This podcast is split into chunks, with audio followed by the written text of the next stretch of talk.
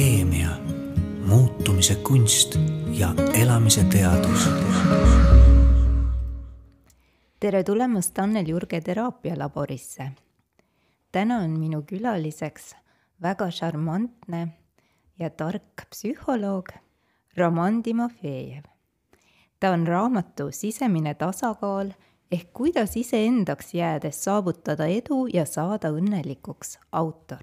tere tulemast, Roman! Tere, Anneli! kuidas sa ennast täna tunned? väga okeilt. mul on täna natuke vabam päev ja, ja sain natuke jalutada ja hingata ja oma mõtetega olla, nii et täitsa, täitsa okei okay olla mina tutvusin sinuga nädal tagasi, ma käisin sinu koolitusel mis baseerus siis sinu raamatul, sellel teoorial, mis on selles raamatus kirjas. ja ma pean tunnistama, et see oli üle pika aja väga-väga põnev koolitus, et ähm, ma tunnetasin, et ma olen kogu aeg kohal, et ei olnud hetkegi, kui mu mõte läks uitama või kuhugi mujale. et kompliment sulle. aitäh, aitäh, seda on tõesti meeldiv kuulda. ma üritan läheneda um ma olen kunagi olnud ka muusik, äh, ma üritan läheneda oma koolitustele ka nii, nagu ma läheneks muusikale, et, et mul endal oleks huvitav kuulata, et ma olen, ma olen ise hea koolituse fänn, nii et kui ma teen koolituse, kus ma ise tahaks osaleda, et siis, siis, siis järelikult on õnnestunud. alati ei lähe nii ka muidugi ole nii hea ja tutvusta ennast natuke ka meie kuulajatele, et kindlasti on palju inimesi, kes on käinud sinu koolitustel või sattunud sinu kabinetti, lugenud sinu raamatut, aga on ka neid, kes seda ei ole. jaa, ilmselt, ilmselt kui inimesed mind tunnevad, siis nad tunnevad mind kui baariterapeuti kõigepealt, sest ma olen kahjuks veel, ma kogu aeg seda toonitan, et äh, jätkuvalt ainuke ametlikult sertifitseeritud Eestis tunnetekeskne baariterapeut miks kahjuks, sellepärast neid võiks olla rohkem. see haru on, on, paistab, et kõige efektiivsem baariteraapia, baariteraapia meetod. mis on see tunnetekeskne baariteraapia? Äh, see on selline huvitav asi, et äh, viimaste kolmekümne aasta jooksul psühholoogiateaduses on olnud plahvatuslik kasv. Äh, selles, mis puudutab suhteid ja, ja täiskasvanute vastastikku kiindumust selle taga on olemas selline kuulus kiindumusteooria, um, kus siis põhimõtteliselt on siis põhi, põhiidee seisneb selles, et kui me kiindume oma partnerile, see kiindumus ei ole väga teistsugune kui see, mida kogeb väike laps oma emaga. väike erinevus on seal küll see, et see on vastastikune, eks ju, laps ja ema ei ole vastastikused, aga siin on see vastastikune ja pluss veel on ka sellise erootilise alatooniga, mida ei ole ema ja lapse vahel aga muidu kõik need küsimused, mis on seotud nagu vastastikku selle enda tohutu sõltuvusega. et kas ma võin su peale toetuda? Kas ma olen sulle number üks? kas ma võin loota, et kui ma kutsun, sa tuled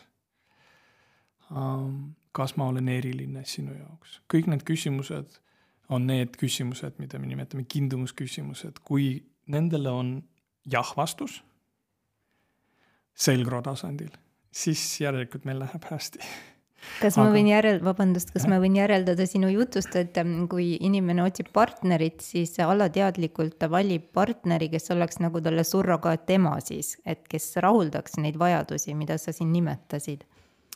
Äh, no kui sa nii sõnastad, see kõlab natuke nagu hinnanguliselt natuke negatiivselt, sest otsida endale surrogaatema kõlab nagu, nagu vale asi täiskasvanuna, on ju, see kõlab natuke nagu noh, saa suureks juba, on ju. aga paljud inimesed ei ole isegi veel kõrges vanuses täiskasvanuks saanud, et. ikka, ikka jah, aga noh, kindlumusteooria jälle arvab seda, et see on lihtsalt meie selline bioloogiline vajadus, millest me ei kasva välja. Et see ei ole midagi, millest saab kasvada välja, seda lihtsalt annab juhtida paremini aastatega. Ja kui sa oled täiskasvanu, sa ei ole ainult see, kes loodab, et sinust hoolitsetakse, vaid sa ka hoolitsed ise ja annad tuge ja oled ise usaldusväärne ja, ja ise pakud õla, kui, kui, kui on vaja. nii et, nii et see on selline vastastikune protsess, aga jah, me oleme muidu tõesti, me otsime nagu midagi sellist väga-väga sügavat, mis on juurutatud meie ajudesse. ilmselt seetõttu, et me oleme väga teistsugune loomade liik. me sünnime väga abitutena, tükk aega oleme, ükski loom ei ole nii abitu nii pikalt nagu meie. kui, kui sinust vanemad ja eriti emad esimestel aastatel nagu ei tee eriti välja, siis lihtsalt ei jäägi ellu. nii et see on midagi, mida, mis, mis on meis nagu väga sügavalt istub ja ja et siis see teraapia aitabki nagu võtta ja käsitleda need konfliktid ja arusaamatused ja kommunikatsioonihäired, mis inimestel tekivad. leida nende taga, nende pinnapealiste ja teinekord võib-olla mitte nii pinnapealiste teemade taga, leida see, need kõige tähtsamad küsimused. et, et see on usalduse kohta, see on vastastikuse sõltuvuse kohta, see on vastastikuse sellise turvalise oleku kohta teineteise jaoks, kas sa suudad minule empatiseerida, kas sa suudad kohal olla minu jaoks, kui ma vajan. ja kui, kui, kui me aitame inimestel need küsimused leida ja vastata nendele positiivselt, siis, siis paistab, et see väga-väga muudab nende suhet ka pikemas perspektiivis, et follow-up uuringud näidanud, et see, et see jääb kestma, see muutus. vot, nii et siis see on see, mida ma peamiselt olen teinud viimastel aastatel no milline on ideaalne suhe ideaalset suhet muidugi ei ole olemas, aga äh, ideaalne suhe, kui see on huvitav, sest ma mingi hetk oli mul küll mõte, et tegelikult ei ole väga, väga palju vahet, kellega sa oled. kuni olulised vajadused on rahuldatud. aga muidugi noh, peab, peab ennast siin parandama, et kui sellist sädet või särtsu alguses ei ole olnud, siis ükski terapeut ei suuda seda sisse puhuda. seda, seda maagiat nagu mina küll ei oska teha, et inimesed peavad hakkama ikkagi meeldima, see on puhtalt ilmselt sihuke maagiline. minule humanitaarinimesena on see maagiline protsess. ma mõistan, et selle taga on väga keeruline neurobioloogia. et kes, kuidas, kellele meeldib, mis feromoonid mängu lähevad ja, ja, ja milline, milline geneetiline taust on kõigel sellel. kui see on paigas, siis hakkab see pihta, et kas me suudame kommunikeerida teineteisele asju, mis päriselt toimuvad või, sest nii pahatihti me, nagu selles vanas anekdoodis Freudi kohta, kuidas Freud ütleb, et mul hommikul juhtus väga huvitav äh, nagu keeleviga. et ma tahtsin öelda, et palun ulata mulle soolt selle asemel ütlesin, kuidas sa oled minu elu ära rikkunud. et me kogu aeg teeme seda. me püüame midagi öelda, aga, aga riskantne on, hirmutav on, ei tunne ennast ja siis ma vaatan sulle silma ja ütlen hoopis midagi muud, see tuleb välja nagu diametraalselt vastupidine, kui, kui minu kavatsus on nii et see on see, mis meie paneme paika, loodus paneb paika, kuidas inimesed meeldivad ja terapeudid panevad paika, et nad suudaksid seda kommunikeerida õigesti. kui palju inimesi pöördub äh, üldse sinu vastuvõtule või terapeudi poole niisugustes küsimustes, mul on jäänud mulje, et siiski suur enamus nagu väntab neid äh, oma vanu mustreid ja tea-, teadvustamata, miks nad nii käituvad. ja, ja no selles mõttes Eestil läheb hästi, mulle tundub selles osas. ma olen piisavalt kaua olnud, ma olen erialas alates kaks tuhat kuus. ma ütleks, et selle aasta jooksul, nende aastate jooksul on olnud pidev, pidev kasv. nii, et, et kui vanasti inimesed tulid, nad ei teadnud väga, miks nad tulid, siis nüüd nad tulevad ja ütlevad, me oleme lugenud EFT kohta, me oleme vaadanud EFT kohta, see on seesama tunnete keskne teraapia. me tahame seda et inimesed on muutunud palju teadlikumaks, need on uued generatsioonid muidugi ka, kes on peale tulnud. aga inimesed on teadlikumad ja, ja nad, nad, nad teavad, mis nad tahavad ja nad hakkavad aru saama vaikselt, et, et müüdid inimeste iseseisvuse kohta on natuke, natuke ülepaisutatud, et, et inimene pole, pole saar. nii see on tõesti ja koroonaaeg kindlasti näitas seda paljudele inimestele väga selgelt, et siiski nüüd, kus enam ei ole võimalik nii palju väljas käia, reisida, meelelahutust tarbida, tuli jääda oma koju seinte vahele ja, ja siis ähm, vaadata, kellega sa koos elad ja, isegi endalt võib-olla küsida, miks ma elan siin ja selle inimesega koos. Näiteks äh, minu paljud kliendid on mulle rääkinud, et just koroona ajal on nad kogenud kõige suuremat traumat isiklikus plaanis, et nende suhted on siis kas purunenud või nad on saanud teadlikuks sellest, et nende partner petab neid ja nad on nagu elanud vales.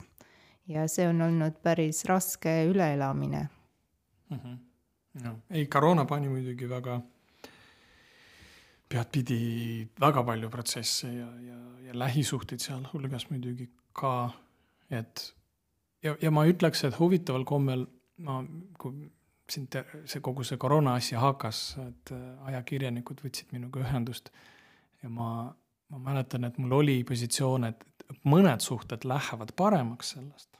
Ja, ja nii ma arvan, läkski, et mõned suhted läksid paremaks sellest, et me pidime rohkem veetma aega koos, füüsiliselt. ja et meil tekkis väline stress, mille vastu meil on võimalik äh, nagu ühineda. aga muidugi see pani ka, see oli ka väga suur väljakutse muidugi jah. ja selles mõttes, kuigi olgem ausad mulle tundub, et sõda on toonud palju rohkem inimesi teraapiasse kui koroona. mis teemadega inimesed pöörduvad? Seinast seina. kui on see paarivärk, siis ikka ma, ta ei saa minust aru, tema ei saa minust aru. me oleme lahku kasvanud, me elame nagu naabrid ühe katuse all ja kõik on, kõik need kaebused on, on tuttavad, ma arvan, igale terapeudile kui me räägime üksikutest indiviididest, siis see sõltub väga mm.. üldjuhul ikkagi see ajad ju muutuvad ja, ja, ja ajastud muutuvad, aga ja, ja noh, selles mõttes selle, selle kaebuse sisu võib varieeruda, aga kui me räägime sellest, mis me selle taga leiame, siis ma arvan, siin ei ole mitte midagi muutunud saja, saja aasta jooksul, et need on ikkagi needsamad mustrid mis ei tööta, eks ju. nagu üks levinumatest on see, et näiteks kui sa tahad, et sa tahad, et sinust hoolitakse ja, aga keegi sinust ei hooli või ei ole hoolinud piisavalt. mis sa siis teed, sa teed, sa hakkad hoolima teistest. sa hakkad hoolima teistest nii intensiivselt, et sa unustad ennast ära selle alateadlik motivatsioon on justkui kommunikeerida, et vaata, mida mina vajan. ma näitan sulle oma käitumisega, oma eeskujuga, mida ma vajan. kahjuks inimesed ei saa nagu sedapidi kommunikatsioonist aru. nii et kui inimene on liiga, liiga hea, siis see toob talle probleeme pikemas perspektiivis. ta kaotab iseennast ja ja, ja ei ole, ei ole kuidagi rahul eluga, sest reeglina ei saa selle vahendiga seda, mida ta tahtis ja teine äärmus on vastupidine. on see, et kui minust ei, ei, kui ma tahan jällegi, et minul läheks hästi ja ma tunnen ennast hästi, siis mis ma pean tegema, ma pean midagi tegema enda heaks. aga kui jällegi midagi siin arenguliselt on olnud viga sellega, siis mida inimesed hakkavad tegema, nad hakkavad väga egoistlikult käituma, et nüüd mul ei ole piisavalt, ei ole piisav seda, et, et ma saan eeskätt. sest see ju ei välista, et sina saad, aga nüüd on see, et nüüd ma tahan, et sa ei saa. Et sa jääd ilma. ja mis siis juhtub, kui need kaks inimest saavad kokku ja loovad paarisuhte nende kahe käitumismalliga? jah, sellest saab väga palju, sellest, sellest naabrid saavad väga palju peavalu, jah. aga olgem ausad, selline muster võib eksisteerida ka ühe inimese peas. et inimene võib samaaegselt tohutult ennast ohverdav ja tohutult egoistlik. Et äh, nii, et see, see, see nagu toob väga palju unetuid äh, öid inimesele. ja kuidas siis äh, saavutada see sisemise tasakaalu seisund, kui on tunnetu tööd kätte jõudnud? see, mis, kuhu liigub nagu maailmas sinnapoole vist liiguvad paljud psühhoteraapia arvud, sinna on sihuke tendentslik liikumine üleüldse on see, et paistab, et on äh,, paistab, et on, on otstarbekas kõigepealt hakata teadvustama enda jaoks, et minu sees toimuvad nagu dialoogid. ja need dialoogid paistab, et on väga erinevate seisukohtade vahel, eks ju. osa minust ütleb, et aa, ma olen kurb, ma, ma tahan, ma tahan puhata näiteks ja teine osa minust ütleb, et võta end kokku, ära näita nõrkust ja ole tugev ja tööta rohkem. väga tuttav dialoog on see. eks ole mm. -hmm. ja see eksisteerib ühe inimese peas ja vaata, kuna, kuna me oleme, kuidas öelda, noh, me, meie mõtteprotsess liigub nii, et mõtted jooksvalt tulevad sisse ja kuna nad kõik tulevad jooksvalt minu, minule pähe, siis ma arvan, et kui nad on minu peas, siis nad on õiged et me ei ole harjunud nagu peatuma ja küsima, et oot-oot-oot, et mis huvitav mõte see oli, see niinimetatud metamõtlemine ehk mõtlemine oma mõtlemisest on tegelikult väga keeruline kognitiivne protsess, me ei ole harjunud sedapidi mõtlema. ja, ja see, noh, põhjusega ka, on ju, kui me hakkame nagu kahtlema igas mõttes, siis, siis me ei, ei saa mitte midagi tehtud, on ju, et kas ma võtan nüüd jogurtit, miks ma hakkasin jogurtist mõtlema praegu hmm,, mida see tähendab ja kõik, eks ju, paralüüsitud elu aga eriti siis, kui mõtted toovad kaasa väga negatiivseid üleelamisi, siis on, paistab, et on otstarbekas hakata panema, tõstma oma mõtted oma peast ja panema neid tooli peale istuma. et see mõte istub siin tooli peal ja siin teise tooli peal istub üks teine mõte, mis on hästi vastupidine ja need mõtted omavahel ei sõbrusta aga võib-olla on ka, et see ei olegi minu mõte, et kui küsida, et kelle mõte see on, et mõnikord ju ka mina olen seda kogenud, räägivad meie peas ju need meie lähedased inimesed oma häälega, et ma kuulan, et aa, et kes nüüd räägib, oo, see on ju minu isa, kes räägib või, või see on minu. ja kui inimene suudab seda, kuidas öelda, visualiseerida äh, ja seostada nagu isikuga, kes on, kes on sedasi minuga rääkinud, see muidugi kergendab protsessi see kergendab protsessi. aga ka siis, kui see ei ole näiteks nii, kui, kui tundub, et see on lihtsalt, see on mina, me, me võime ka välja mõelda mingisuguse suvalise kuvandi sellele mõttele, kasvõi mütoloogilise mm. -hmm. aga et peaasi on see, et ma saan seda oma peast väljapoole, et mul on võimalik võtta see metapositsioon, et, et mitte asjad ei ole halvad, vaid mingi hääl minu peas ütleb, hmm, asjad on halvad ja teine hääl ütleb midagi muud ja võib-olla seal on veel kolmas hääl. ja et me hakkame nagu kõrvalt vaatama, kuidas nagu see vestlus toimub ja, ja miks ta toimub nii ja miks, mis on nagu nende mõtete funktsioon jälle. see, see on jälle üks, üks huvitav nagu idee, mis ma arvan, ikkagi ei ole meie kultuuris kinnistunud. et ma arvan, vana, vana hea Freud juba on, on, on seda mõtet esialgselt väljendanud, aga see ei ole kinnistunud meie kultuuris, et mõtetel on funktsioon. et kui sa midagi teed või sa midagi ütled, siis see nagu see, see tegelikult selle taga on mingi põhjus, mingisugune motivatsioon, milleks see peaks olema hea. et ta võib olla paradoksaalne ja üldse mingisuguse headuseni ei vii. aga selle kavatsus, mis selle taga on, on tegelikult ääretult oluline ja et paistab, et kui me suudame nagu välja kaevata, mis oli see kavatsus, siis meil oluliselt kasvab ka inimese paindlikkus, sest kui ma näiteks vajan,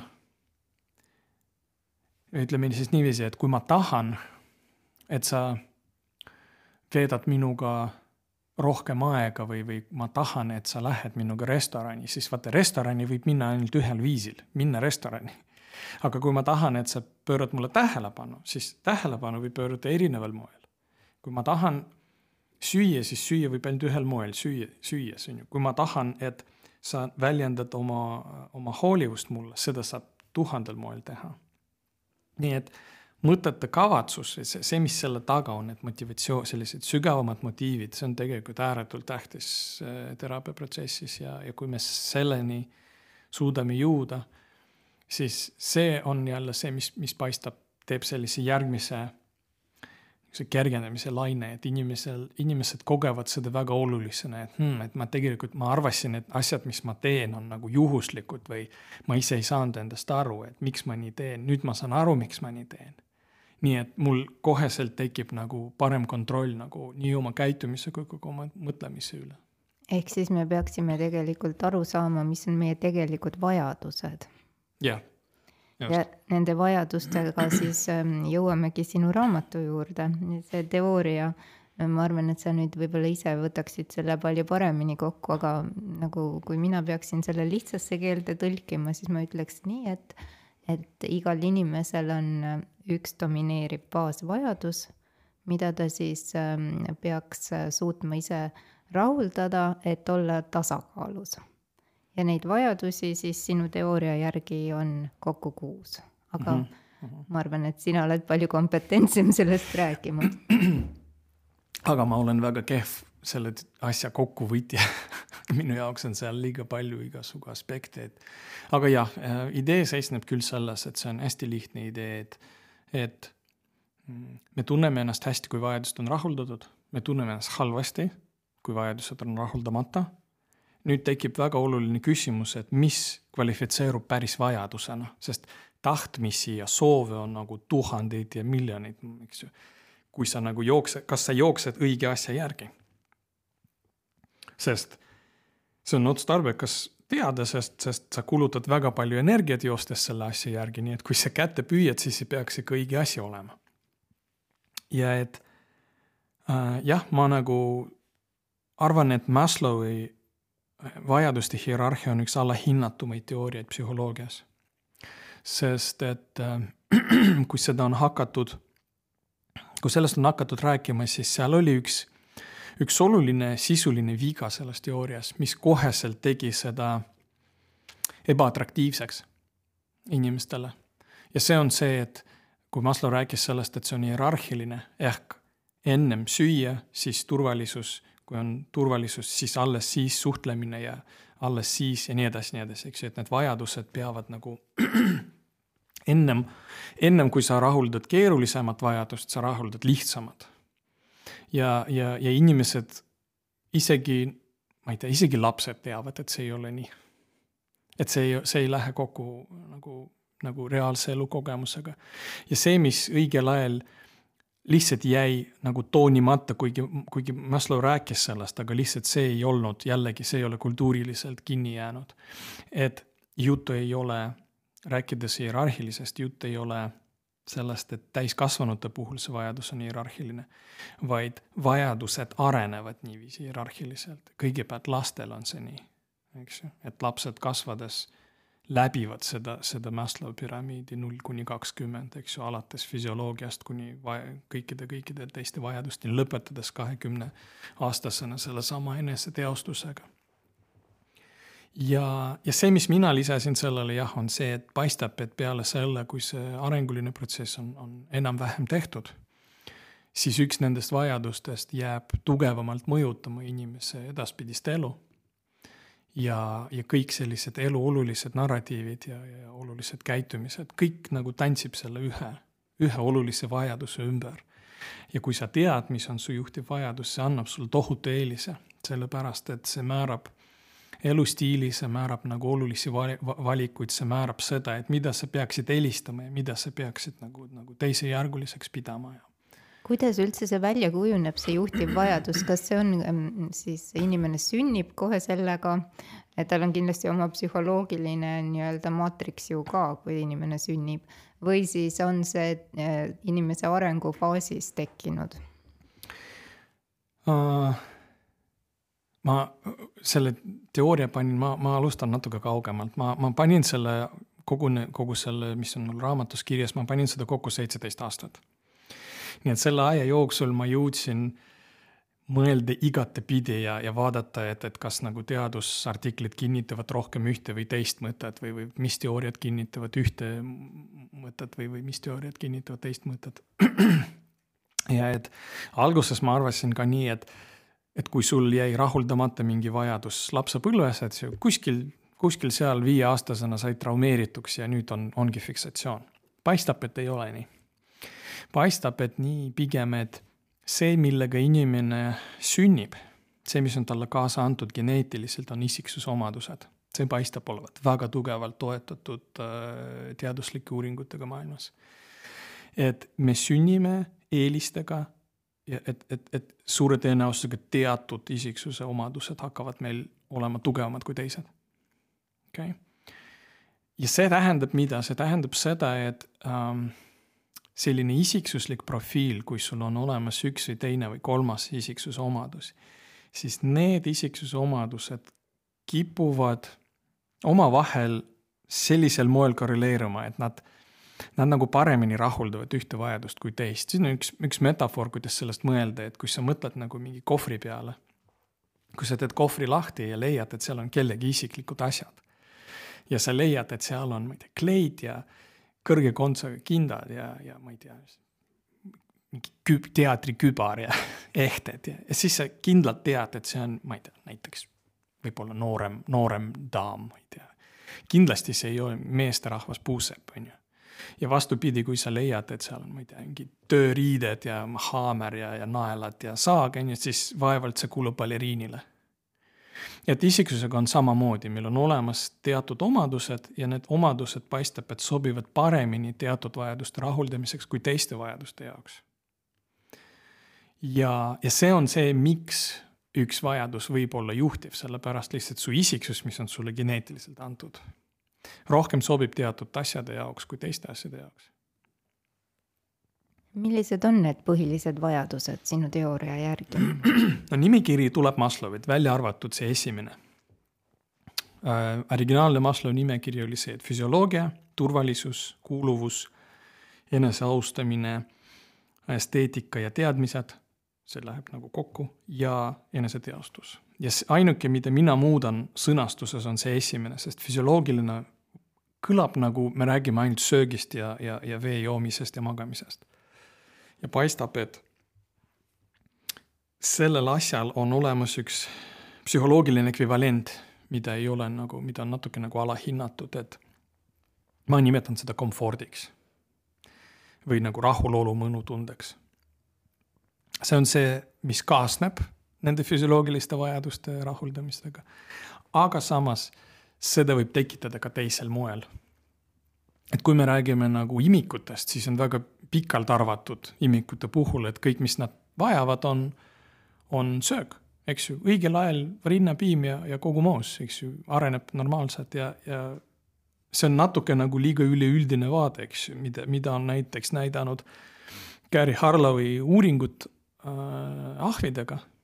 Need olid väga julmad muidugi, aga need olid väga ääretult olulise olulise järeldusega uuringut, kus siis oli näha, et, et kui, kui äh, väiksel ahvikesel on võimalik valida kahe vahel metallist ema, sihuke nagu mannekeeni moodi, eks ju, äh, kes on veel isegi sihuke okaline.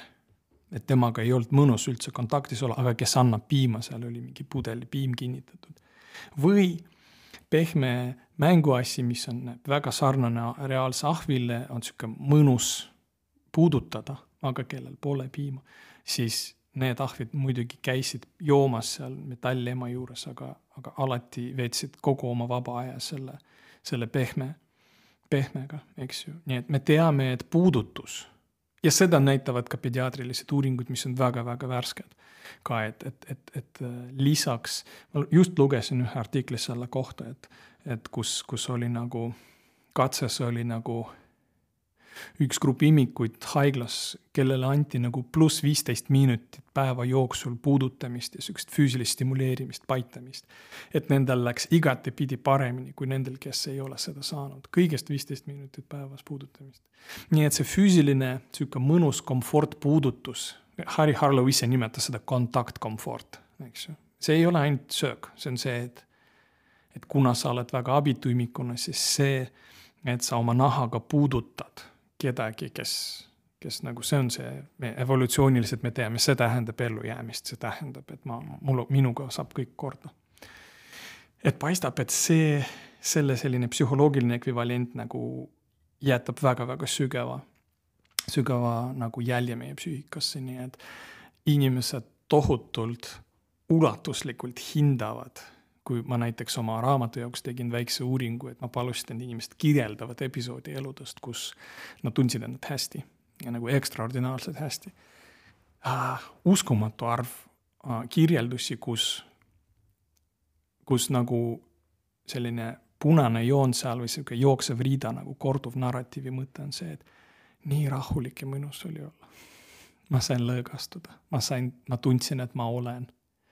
et ma lihtsalt, päike puudutas nahka ja ma sain lõõgastuda ja see oli nii mõnus ja see oli nii hea ja sisemise rahuseisund. just, just, just, et see on nagu otseselt seotud selle, see, see kindlasti ei ole nagu eneseaustamise värk, eks ju, või, või, või sihuke kont-, suhtlemisega seotud. aga mõnes mõttes ju ikkagi on, et kui ma luban endale seda momenti, et ma austan ennast ju ka sellega, et, et ma luban, eks, et et inimesed ju, kes, kellel see hääl domineerib, et ma pean produktiivne olema ja mitte mõtlema tühja tähja peale ja päikese käes no, vedelema. selles mõttes võib-olla küll, aga et lihtsalt see ei ole nagu midagi, mis on seotud saavutustega, on ju, et ma nüüd tegin parem, teist tüüpi narratiivid on see, et ma tegin paremini kui teised.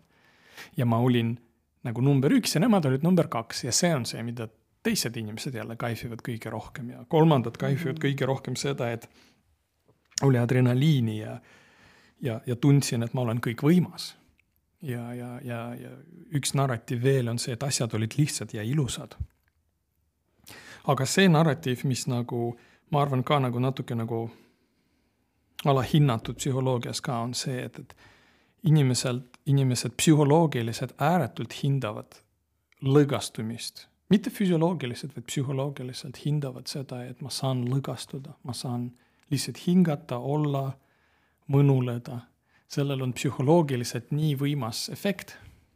sest me ju jällegi psüühikas, me ka vajame ju seda sellist optimaalset stimulatsiooni, et kui on stimuleid liiga vähe, meil on igav, kui on liiga palju, eks ju, vana, vana seadus on ju, kui stimuleid liiga palju, me, me väsime. Nii et see, et oleks nagu paras, et see on ääretult oluline. Jah, see on väga-väga oluline, eriti veel selles ähm, keskkonnas, kus me täna oleme, kus tegelikult ju neid stiimuleid on liiga palju, kui ainult äh, teed äh, uudistekanalid lahti, siis sa oled kohe nagu üle valatud kõikvõimalike mm -hmm. uudistega, mis ei ole nagu üldse positiivsed üks, üks Ameerika teadlane, kes pani seda väga hästi tähele, on Eilen Aron, kes kirjutas selle hästi kuulsa, see on eesti keeles ka olemas raamat, see Highly sensitive person Äh, ülitundlik ülitundlik inimene, inimene., mhm. see on seesama kontsept, eks ju, inimesed, kes tegelikult väga hindavad rahu, mõnulemist, lõõgastumist, nad elavad maailmas, kus on nagu pidev ülestimulatsioon, nii et nad väga-väga varakult õpivad, et ei, ei mingit rahu ei saa maailmas mitte kunagi. ja siis nad aktsepteerivad neid malle, mis, mis nendele üldse ei sobi. Ja selle tulemus on see, nad tohutult, tohutult ärritunud, väsinud ja, ja neurootilised ja paljud inimesed on ka ju pidanud tõdema siin äh, viimasel ajal, et äh, tegelikult äh, see sisemine rahu sõltub sellest, kui palju me enda sisse midagi lubame, et kus see piir on, me ise peame selle seadma. jaa, absoluutselt. vot see ongi see, et kui arengulis-, arenguliselt me oleksime seda pidanud õppima just selles vanuses. et kui ema stimuleerib last parajasti nii, et tal on mõnus, lõbus, eks ju, me kõik, kellel on lapsed või kellel on tuttavatel või, või sugulastel on lapsed, need on, me oleme näinud neid, neid, kuidas imikud naudivad, kuidas nad naeravad ja kuidas nad on õnnelikud selle üle, et kui sa neid mõnusal ja parajal moel stimuleerid. ja kui sa, kui sa oled tundlik sellele, et kui nad hakkavad väsima ja natuke niiviisi nuttu tuleb peale, siis nad näitavad rahulolematust, et sa lõpetad või vahetad või teed teistmoodi.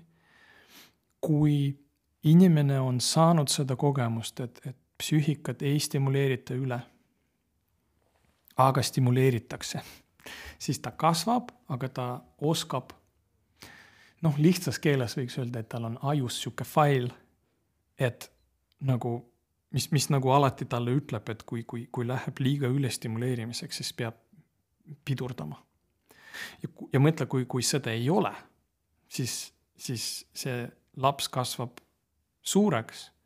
ta nagu, ma ütleks neurobioloogilisel tasandil ei pruugi lihtsalt ära tunda neid momente, kus ta psüühika on ülestimuleeritud. ma olen neid näinud korduvalt, neid inimesi psühhoteraapias, ma nimetan neid il-, inimesed ilma psüühikata. isegi nii? jah, inimesed, kes nagu elavad iseendaga, nagu nendel psüühikat ei oleks olemas Nad lihtsalt nagu üldse eiravad, et nendel on mingid motiivid, mõtted, tunded. sihuke, kogu elu on sihuke mehaaniline peab tegemine. ja, ja see tuleneb otse sealt, et, et kui, kui su aju lihtsalt ei tunne seda kohta nagu kogemuslikult ei ole kunagi kogenud seda, et saab lõõgastuda, saab usaldada, lõõgastuda ja lihtsalt kaitsida olemist. kui su aju ei ole kunagi seda kogenud, milline see täiskasvanulik elu on, see täiskasvanulik elu ongi nagu hommikust õhtuni mingi sõda. ja aga see on ka ju seotud sellega minu nägemust mööda, missugune on selle inimese kasvukeskkond olnud, et mida tal on nagu sealt äh, aju salvestanud, et kui ongi pidev sõda, siis äh, see ongi tema olemise viis mm. -hmm, jah, ja noh, ongi asi selles, et mõningaid asju on natuke kergem õppida teatud vanuses, alati saab ümber õppida. Aga mõningaid asju nagu on olemas spetsiaalne vanusevahemik, kus neid asju peabki õppima kõige paremini, sest kui sa ei õpi neid siis, hilisem on alati sihuke üle jõu pingutamine. et näiteks näiteks kui sa ei õpeta lapsel kontrollima oma käitumist, et kui sa saad vihaseks, siis ei lööda ja ei visata asju. sa pead seda õpetama ennem, kui laps saab nelja. Sest kui laps on juba kuuene, ta ikkagi teeb, see on tohutult keeruline, tohutult keeruline. et on, on olemas selleks aeg, kus need pidurid välja töötakse vahemikus kuskil seal kaks kuni neli, kus peab seda õpetama ja, ja pärast see läheb väga keeruliseks. kui sa kuueaastasele lapsele ei õpeta, kuidas tekitada sõpru, siis üheksa-aastasel on seda väga keeruline õpetada. kui sa üheksa-aastasele ei õpeta õigel ajal, kuidas õigeid eesmärke seada, nagu nii, et see oleks paras, aga väljakutserikas, siis viieteistaastasel on seda väga raske selgeks teha. kui sa viieteistaastasel õigel ajal ei õpeta, kuidas äh, äh,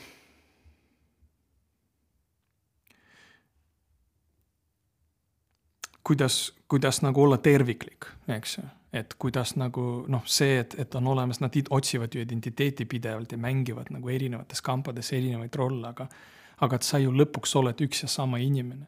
et kui sa seda terviklikkust ei aita nagu luua viieteistaastaselt, siis, siis jälle pärast seda on teha tohutult keeruline, nii et iga asi õigel ajal ja, ja kui see aeg on maga, maha, maha magatud, siis, siis juba siis juba on meil maailmas, nagu üks minu kolleeg ütleb, maailmas on palju terapeute, kes aitavad pärast aga enamasti see nii ongi, sest et mina ei tea ühtegi inimest, kes on the book, nagu sa praegult ütlesid, raamatu järgi mm -hmm. neid äh, omadusi äh, õppinud ja ja isegi kui vist selline inimene oleks, kellel ühtegi probleemi poleks, siis ilmselt teised ütleksid, et ta peab terapeudi juurde minema. nojah, jah, jah jälle see ei ole nüüd ju ka õnneks nii, et nagu mustvalge, et nagu oskad või ei oska, aga et noh, see on see jälle nagu good enough nagu on see, kuhu poole nagu pürgida, et, et piisavalt osata, et elu nagu, et navigeeriks läbi elu nagu enam-vähem, enam-vähem ladusalt. see ei tähenda, et ilma takistusteta või ilma probleemideta, aga et üldjuhul nagu navigeerida ladusalt läbi elu on, ma arvan, nagu piisavalt, piisavalt hea eesmärk räägime ka turvalisuse vajadusest, mis on sinu teooria põhjal siis mhm. teine põhivajadus.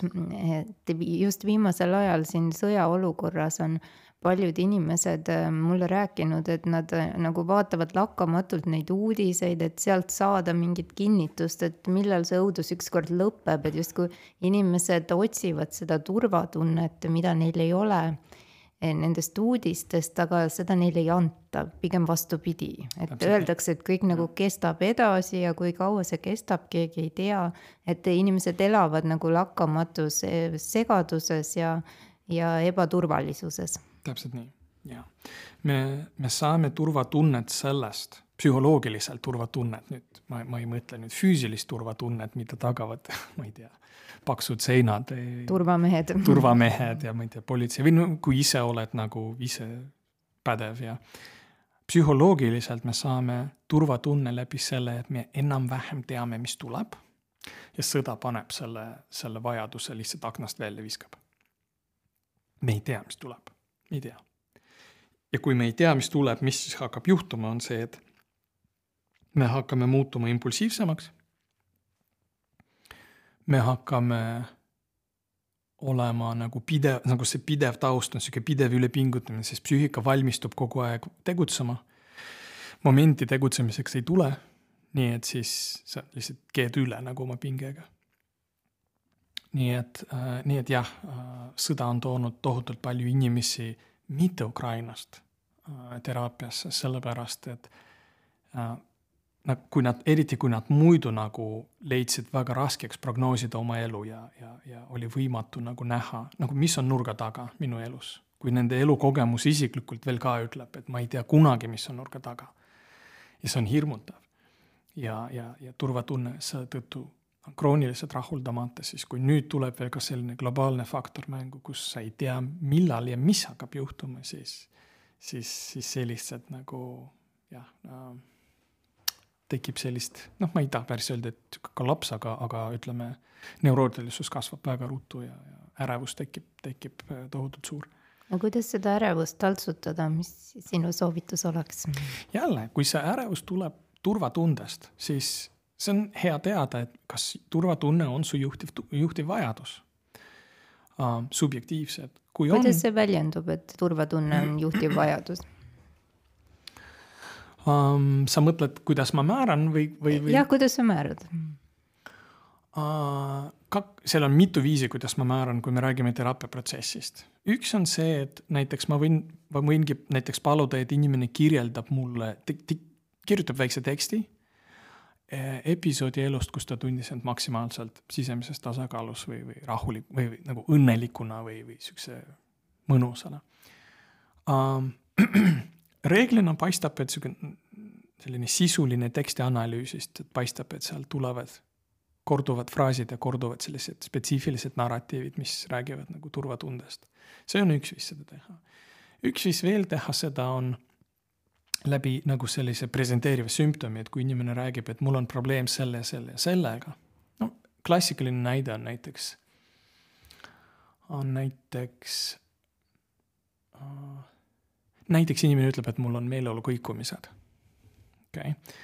Uh, või näiteks veel, veel klassikalisem näide on ebakindluse tunne. kui inimene ütleb, et ma ei ole endas kindel ta ei pruugi seda ise nii sõnastada, aga kui sa kuuled, kuidas ta räägib, sa näed, et ta ei ole kindel üheski asjas, mis ta ütleb, ta parandab ennast, küsib, eks ju. Need intonatsioonid on nagu sellised, et nagu ei ole milleski kindel, on ju, seda, seda on tajuda inimese kõnest, inimese kõnepruugist um, et kui teil õnnestub saa-, sar-, nagu saada samale lehele, et, et kas sa oled nagu väga ebakindel inimene muidu elus ka ja ta ütleb, et, et paistab, et küll.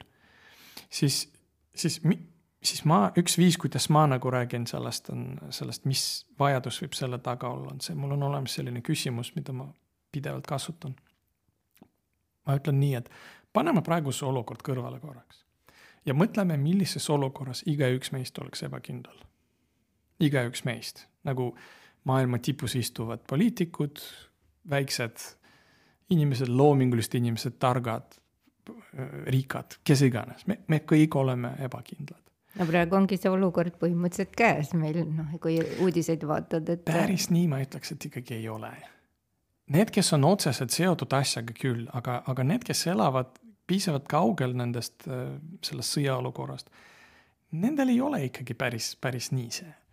nii et nii et kui me küsime, et millises olukorras me kõik oleme ebakindlad, eh, üsna kiiresti see vastus on see, et kui me ei tea, mis tuleb. kui ma ei tea, kas minu jõud ja need väljakutsed, mis tulevad, kas nad on nagu tasakaalus, kas ma, kas ma suudan va-, nagu vastata olukorrale nii, et kas mul, kas mul, kas ma jaksan, kas mul, kas ma saan hakkama? kas ma saan hakkama? ja ma ütlen täpselt nii, on ju, ehk see tähendab seda, et see on otseselt nagu viitab selle turvatunde vajadusele, eks ju. kui me teame, mis tuleb ja me teame, et me kohtume neid väljakutseid nagu vastavalt, me oleme endas kindlad. aga kui me ei tea, ehk on ebaturvaline, me ei tea, kui suur see vaenlane, kui, kui suur, kui, kui ulatuslik see väljakutse on, siis me hakkame kahtlema endas, isegi siis, kui me oleme väga ressursirikkad. nii et see on nagu üks viis, kuidas seda näiteks nii-öelda diagnoosida aga mis on siis, kui on diagnoositud, mis on siis edasised sammud, mis on siis soovitus, kuidas seda turvatunnet endale juurde tekitada uh,? mitu asja. üks, üks on see, et turvatunne tekib um, kahest asjast. üks on režiim. et mis tähendab seda, et ma tean, mis tuleb täna. on ju, ma ei pruugi teada, mis homme tuleb, ma ei pruugi teada, mis globaalselt hakkab toimuma. Aga kui mul on enam-vähem režiim, millest ma kinni hoian, et mu aju teab, kuidas kulutada ressurssi vastavalt päevale. miks kolmeaastasel on vajalik režiim? just, just nimelt sellepärast, et, et nad, nendel need pidurdamismehhanismid ei ole välja töötatud, nad on tohutult energilised. ja kui seal ei ole režiimi, siis aju ei suuda ennast nii-öelda vastavalt kalibreerida sellele, mis päeva jooksul toimub. Et seal peab olema, siin on, siin tuleb see, siin tuleb see, siin tuleb see, siit tuleb puhkus, siit tuleb veel mingi aktiivsus ja nii edasi. täiskasvanutel täpselt samamoodi, eriti nendel, kellel on juhtiv vajadus turvalisus. ehk kui sa tead enam-vähem laias laastus, mida, mida sa päeva jooksul teed, siis sa kulutad oma jõudu vastavalt ja see annab turvatunnet, tahad või ei taha. asi number kaks on see, et turvatunnet annab positiivne tähelepanu, jällegi me sellest ajast, kui me olime lapsed, me teame, et kui sa oled selles vanuses, kus on turvalisus kõige tähtsam, ehk seesama kolm, neli, kaks võib-olla, kui me ronime igale poole. see, mis tagab turvalisust, on see, et täiskasvanu valvab järele, ta vaatab mind, vaatab mind heatahtlikult, et kas nagu mõni klaasist nurk ei, ei satu mulle pähe. nii et äh,, nii et positiivne tähelepanu on see, mis annab turvatunnet, kui ma suudan leida päeva jooksul inimesi või inimest, kes osutab mulle positiivse tähelepanu. number kolm, optimistlik hoiak annab turvatunnet ja see, mida teevad inimesed, kellel turvatunne nagu puudu on, aga nad hindavad seda väga, optimistliku hoiaku asemel nad pigem on haaratud sellisest maagilisest mõtlemisest. See ei õnnestu kunagi, nagu see ei anna head tunnet, sellepärast et kuskil sisemas inimene teab, et need on niisugused muinasjutud, mida ta ise endale räägib, need ei ole realistlikud asjad. millised need on, kas need on selles stiilis, et äh, usaldame elu ja ja usaldame, et äh, universum loob mulle kõik äh, minu parimaks Näiteks, hüvanguks. absoluutselt, absoluutselt, see on üks viis seda asja mõelda, teine on see, et lihtsalt sihuke irratsionaalne, ma nagunii kõik saab hästi, ma. Optimistlik hoiak on ka irratsionaalne hoiak, on ju, ma, ma loodan, et läheb hästi, kuigi mul ei ole andmeid selleks. aga optimistlik hoiak ei tähenda, et ma ei pea midagi tegema. reeglina maagiline mõtlemine tähendab, et kõik sujub iseenesest ilma, et mina peaksin midagi tegema just, ähm, võib-olla siis on mõistlik mõelda ka selliselt, et ükskõik, mis juhtub, ma saan hakkama mm. -hmm, absoluutselt, just, ükskõik, mis juhtub, ma saan hakkama, täpselt. kust sa arvad, kust, mis, mis sa nii arvad? reptiilajul on ju tegelikult, nagu mina olen õppinud, kolm põhifunktsiooni, et ründa, põgene või teeskle surnut, et ma ei pea seda teadlikult valima, see minu reptiilaju valib selle minu eest, et mhm. -huh. ükskõik, mis olukord on, ma tegelikult ju alateadlikult tean, kuidas käituda, et pole lootustki, et, et seal ma ei tee seda valikut. ja, ja samas, kuna me ei ela enam metsikus looduses, kus me saaksime seda igapäevaselt praktiseerida paistab, et need instinktid kogu aeg, kogu aeg reedavad meid. inimesed pidevalt tarduvad seal, kus ei ole mõtet tarduda, ründavad seal, kus ei olnud mõtet rünnata ja põgenevad seal, kus ei olnud mõtet põgeneda. see on, see on, see on psühhoterapeutide alla otseselt, eks ju, see on, me igapäevaselt me tegeleme inimestega, kellel need võimsad reaktsioonid lähevad käiku seal, kus ei olnud otstarbekas nojah, aga õnneks on siis pärast võimalik see olukord oma peas või seal teraapiakabinetis ümber mängida ja teha kui, teine kui valik. ei jõutud teha midagi, midagi sellist, mida ei anna enam parandada, sest inimesed, kellel on impulsskontroll häiritud ja need kipuvad inimesed, kellel puudub turvatunne. sest jällegi mingi hetk see elustiil, mida sa pead iseenesest on selline juba, et röövib sinult turvatunde, sest kui sa elad väga kaootilist elu, sul puudub stabiilne sissetulek, sul puudub tähelepanu, sul puudub režiim ja sa oled päevast päevasse haaratud mingisugustesse impulsiivsetesse tegevustesse. Äh,. ostan, laristan raha ähm,, äh, mingisugune promiskuiteet võib juhtuda, eks ju, siit-sealt pinnapealised suhted, eks ju. Ma ei tea, midagi veel sellist riskantset sõltuvused, riskantne käitumine, eks ju, liiga kiiresti sõitmine, sõitmine purjus peaga, on ju. kogu see elustiil lõppkokkuvõttes nagu röövib sinult turvatunde, nii et mina olen üks nendest terapeutidest, kes väga usub elustiili muutustesse nagu teraapia heaks. ma ei suuda töötada inimestega, kes ütlevad mulle, et ma tahan säilitada elustiili, mida ma elan, aga ma tahan, et ma oleks õnnelik. Nagu kui inimese elustiil on, on enam-vähem selline tavaline, siis, siis ma ei näe ka probleemi selles, aga kui elustiilis on selgelt asju, mis lähevad risti vastupidised, mis frustreerivad juhtivat vajadust, siis, siis ei ole võimalik lihtsalt, et sa tunned end hästi ähm,. aga sa, noh, väga raske on nagu näiteks austada ennast, kui sul ei ole tööd. väga raske on tunda mõnu, kui sa nälgid. Väga raske on tunda turvalisust, kui sa nagu rapsid mööda elu impulsiivselt, nii et, nii et mina väga usun sellesse, et uh,, et kuidas öelda, et siis nagu mingist hetkest, see on sihuke kanamune küsimus, seal ei ole nagu algust ja lõppu, aga mingi hetk see inimesel on elustiil, mis ei ole terve ja mis frustreerib tema vajadusi. Ja kuna ta vajadused on frustreeritud siis need frustreeritud vajadused nagu taas kinnitavad seda valet elustiili. mis omakorda jälle taaskäivitab frustreerunud vajadust ja, ja mis taaskäivitab jälle ebatervet elustiili, et see mingi hetk muutub selliseks tohutuks nõiaringiks. ehk siis, äh, kui sinu kabinetti tulla, peab olema sisemiselt valmis muutma ennast muutuseks. no ma ei suru seda pähe muidugi, me alustame sellest alati, et, et um, mis on sinu probleem, mida sa tahad muuta. ja kui sa tead, mis on see probleem, mida sa tahad muuta, üks esimestest küsimustest, see on selline fundamentaalne psü-, psühhoterapeutilise kontrakti osa. kuidas on see sinu kohta? ma ei saa muuta maailmas sinu ümber, ma ei saa muuta sinu suhteid, ma ei saa muuta sinu meest või naist, ma ei saa muuta su lapsi, me saame muuta sind, sinu reaktsioone. see tähendab seda, et inimene peab kas juba tulles teadma või, või, või vähemalt valmis nagu sellest rääkima teraapiaprotsessis. et midagi on minu reaktsioonis paigast ära, mitte maailmas, vaid minu reaktsioonis. ja ma praegu ei räägi, eks ju, nendest on olemas teist, teist tüüpi töö, mis on sihuke traumatöö, kus teinekord maailm reaalselt on sõitnud inimesest üle, eks ju, on olemas maailmas ka kohutut vägivalda ja nii edasi, eks ju. me ei räägi sellest no me räägime sellest, et kus on sihuke Freudi järgi sihuke tavaline, hästi tavaline klassikaline neuroos, on ju, kus sinu reaktsioonid on ülepaisutatud. et sa kas alareageerid või ülereageerid emotsionaalselt. et siis sa pead hästi, hästi nagu olema valmis tunnistama, et, et see on minu reaktsioon, see ei ole maailma kohta, see on minu kohta. ja see tähendab seda, et ju minul on siis midagi selles, kuidas funktsioneerib minu isiksus ja selles, kuidas funktsioneerides ma, millise elustiili ma olen endale loonud, seal on midagi paigast ära, mis, mis nagu ei, ei funka päris, päris nii, nagu peab.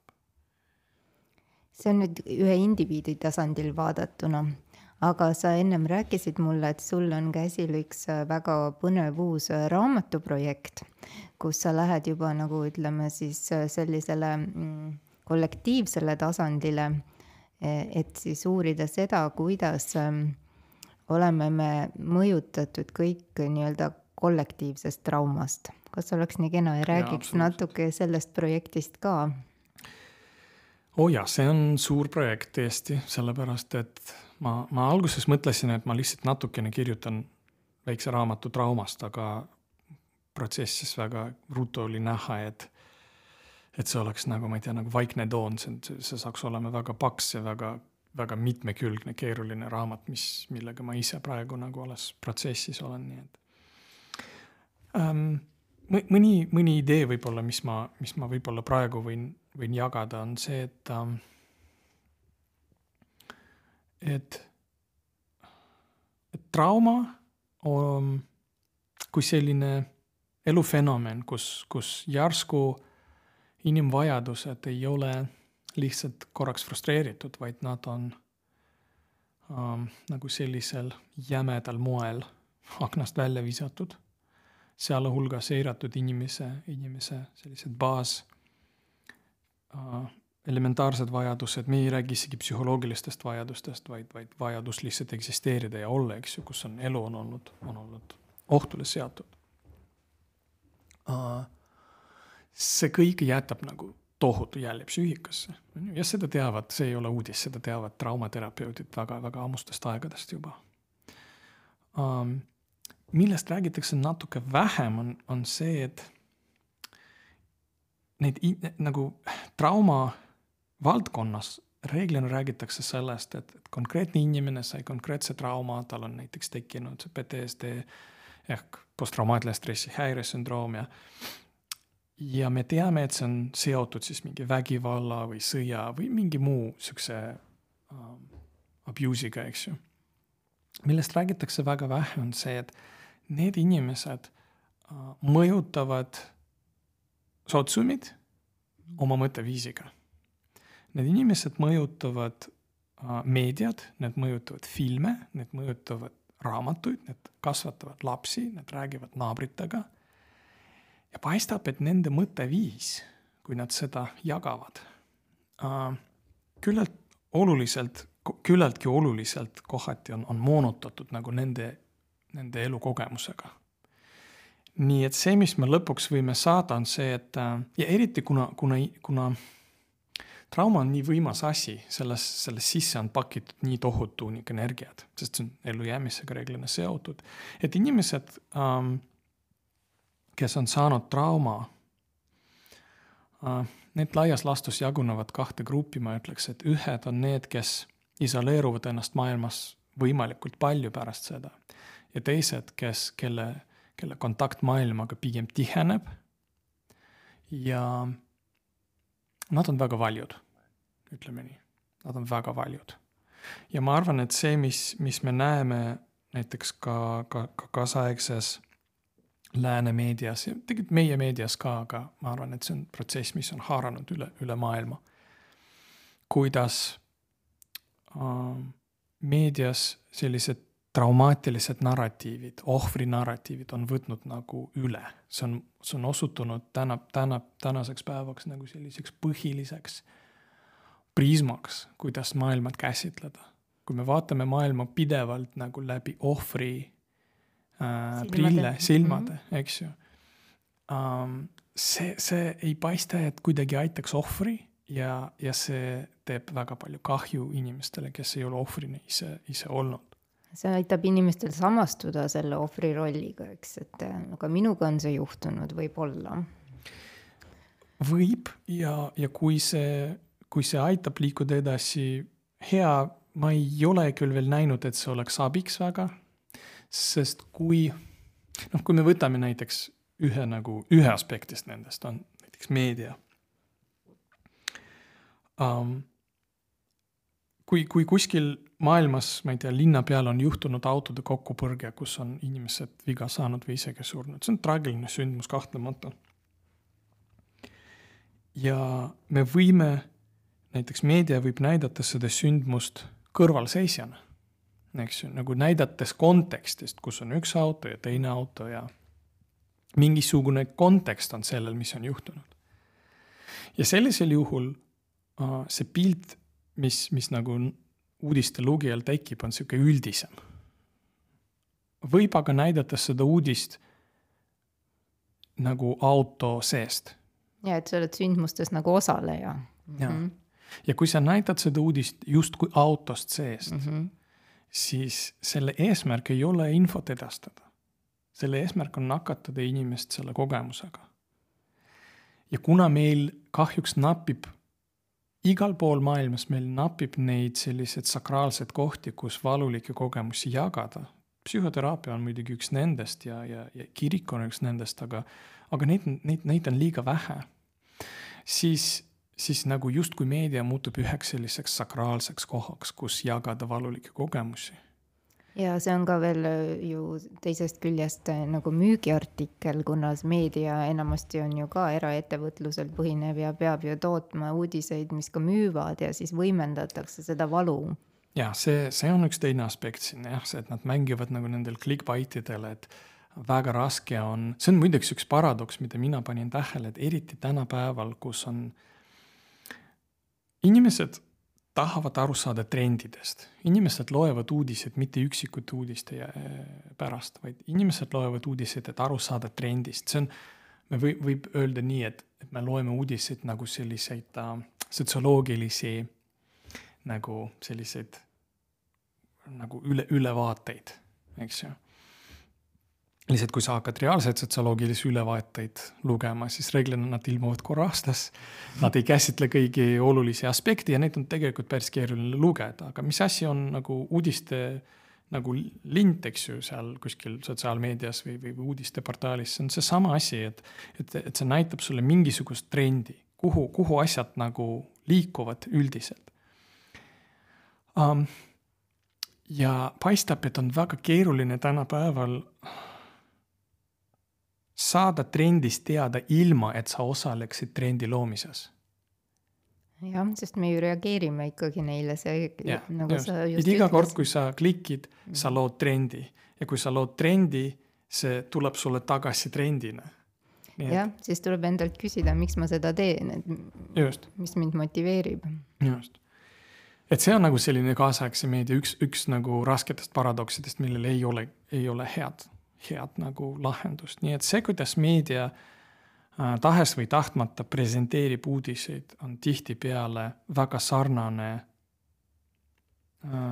sellise komplekstrauma inimese maailmavaadega.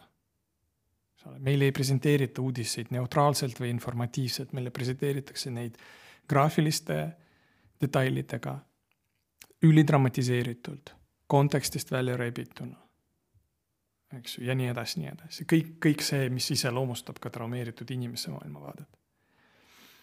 teine aspekt on näiteks kultuur.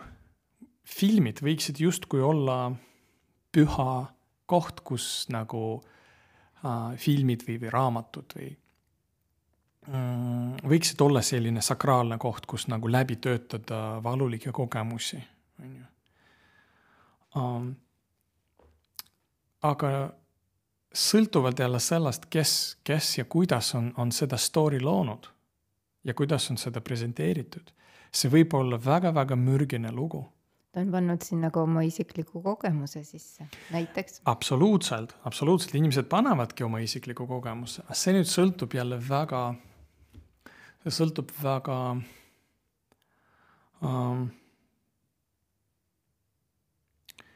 ma ei leia õiget sõna saad aru, kui, kui no mõtleme sellest niiviisi, kui ma loen äh, Vana-Kreeka mütoloogiat, siis need story'd, mis on ääretult traagilised, nad kirjeldavad mitte ühe inimese kogemust, vaid nad kirjutavad, kirjeldavad väga paljude inimeste kogemust.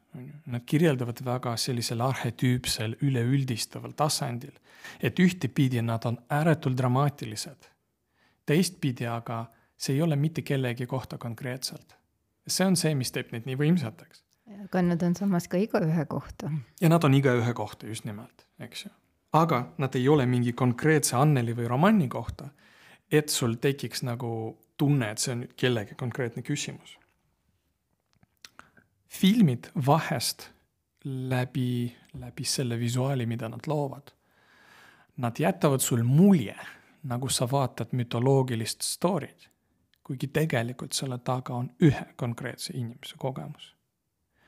ja see jälle on, on nagu sihuke tõsine sihuke concept creep siin on ju, me, me tahame vaadata lugusid, mis on universaalsed. me ei taha vaadata lugusid, mis on ühe konkreetse inimese kogemus, sest see on hoopis teine rida. aga meile presenteeritakse neid sellisena nii on, kas sinu uues raamatus äh, üritad sa presenteerida sellist äh, üldist kogemust? Või paned sa sinna sisse ka iseenda kogemuse? ma ei pane üldse sinna oma kogemust sisse, see raamat, see, kuidas ma mõtlen sellest nagu, kuidas ma kirjutan praegu seda seni, on see, et ma võtan lihtsalt ühe olulise aspekti ühiskonna elust ja ma näitan, kuidas kollektiivne trauma annab endast märku seal, kuidas trauma narratiivid ja trauma vaatenurgad ja maailmavaadet annavad endast teada näiteks meedias, filmides, näiteks ka mm, sotsiaalses ja poliitilises elus, on ju. näiteks, näiteks üks, üks hea lihtne näide on näiteks feminism või, või näiteks need liikumised läänes, mis meil ei ole nii veel tugevad, aga mis on seotud nagu äh, sugude siis gender equality, eks ju, need kõik need äh, soode võrdsused. kõik need poliitilised küsimused, selle taga on traumanarratiivid, mida, millest meil ei räägita. okei okay,, need lihtsalt mängitakse välja. ja, ja nende mõju ei pruugi olla jälle midagi, mis, mis traumeerinud inimesi aitab, vaid pigem lihtsalt nagu nakatab ja laiendab traumeerit-, nagu traumamaailma vaadet üle maailma? No mina väga ootan juba sinu raamatu ilmumist, et see annab kindlasti uue ja objektiivse vaatenurga nendele elusituatsioonidele, mida me kogeme, et ei pea nii äh, reaktiivselt reageerima. ma loodan, et ma saan hakkama, jah, selle esimese raamatuga oli täpselt niiviisi, et ma, mul ei olnud veel raamatut üldse ühtegi, ühtegi rida kirjutatud, mul oli mõtteid, aga ühtegi rida ei ole olnud veel ja ma ühel koolitusel ütlesin, et ma kirjutan ja kuna ma ütlesin, ma võtsin endale vastutuse, siis järgmine päev ma hakkasin kirjutama. Ja, ja noh, selle raamatuga on natuke teistmoodi, et ma, mul on tõesti midagi juba kirjutatud, aga see on, see on suur ja keeruline teos, ma loodan, et võttes sellise avaliku seisu nagu seisukohta ja, ja rääkides sellest, ma jälle nagu utsitan ennast äh, kiiremini kirjutama sellest no aga kõik protsessid toimuvad ikkagi nii, nagu nad toimuvad ja selles mõttes ju saab elu usaldada ja ma tean ka, et sa kirjutad seda inglise keeles ja sul on plaan sellega siis ikkagi kogu maailma nii-öelda raamatuturule siseneda, et see on nagu selline globaalsem teos, kui mitte niivõrd kohalik Eesti turule mõeldud. no ma arvan, et jah, iga autor tahab, et võimalikult palju inimesed võimalikult paljud inimesed oleks lugenud seda, nii et, nii et siin inglise keel on abiks. absoluutselt ja mina soovin sulle sellel teekonnal palju edu ja palju kannatlikkust ja ja kõiki häid kordaminekuid. aga kuna meie vestluse ajake hakkab siin ümber saama, siis enne veel, kui me lõpetame, ma soovin küsida sinult ühte niisugust imelikku küsimust, võib-olla ma siin mõtisklesin ise ja kui sa rääkisid, et sa oled enamasti oma ütleme siis ametialases elus seotud kõikvõimalike inimeste probleemide ja, ja siis ka traumadega ja nüüd raamatu kaudu veel ka nii-öelda globaalse või kollektiivse traumaga, et kuidas see kõik sinu enda elu mõjutab, kuidas sina ise leiad selle sisemise tasakaalu?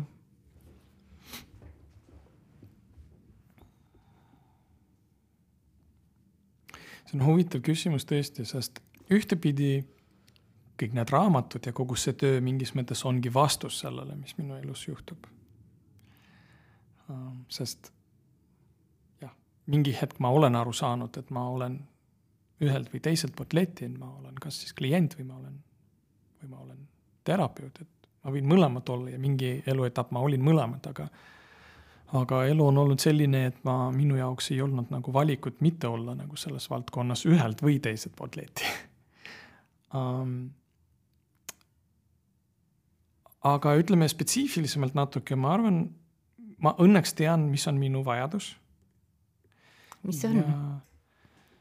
ei ütle ütle ikka ei ütle, aga nojah, selles mõttes vajadused on ju, on ju universaalsed, nii et, nii et jah, ma, mina, mina nagu tunnen kõige rohkem ennast õnnelikuna, kui mul õnnestub jagada, jagada teistega kogemusi ja jagada ne, nende kogemusi ja jagada enda kogemusi mina olen selline kuuluvuse, kuuluvuse friik. ja mulle meeldib olla inimestega ja, ja mulle meeldib olla osa suuremast grupist ja ja see on see, mis ma, mis ma püüan teha, ma püüan leida kõige rohkem tasakaalu nagu rääkides ja suheldes inimestega, kelle, kes, kes on avatud minu kogemustele ja, ja, ja kelle kogemus on mulle huvitav. nii et ma arvan, et see on, see on see, mis, mis annab võimalikult palju tasakaalu no tõend on selle kohta, et sa täna siin minu stuudios oled juba see, et, et mina ise sattusin sinu Just. teadmistest ähm, vaimustusse ja mul on ka hea meel jagada neid meie kuulajatega ja ma usun, et, et tänasest vestlusest oli nii mõnelegi kuulajale väga vajalikke taipamisi. ja kui inimesed soovivad sinuga edaspidi ühendust võtta, siis kus saab sind leida? Äh, ma arvan, et kõige kergem on see kirjutada mulle info, et baariteraapia.ee, ma mainisin, et ma peamiselt töötan äh, siis baariterapeudina ja siis muidugi individuaalse terapeudina, aga mul ei ole individuaalse teraapia jaoks eraldi saiti, et mul on olemas see baariteraapia.ee lehekülg, kust, kust mind saab kõige kiiremini leida. Ja mina ootan sind tagasi siia stuudiosse siis, kui su raamat, su lapsuk on juba ilmavalgust näinud, et saaksime jagada ka neid tarkusi, mis sinna kirja pandud on. ma arvan, et me näeme varem, ma loodan, et me näeme varem kui viis aastat. ma loodan seda samamoodi ja ma tänan sind väga, Roman, et sa täna tulid ja valgustasid meie maailma oma tarkusega. aitäh kutsumast. aitäh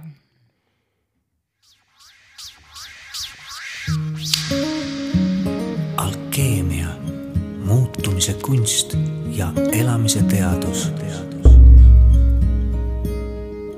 Alkeemia taskuhääling toob teieni huvitavat ja harivat keha, hinge ja meele vallast. kuula ja loe alkeemia.ee, leia meid ka Facebookist ja Instagramist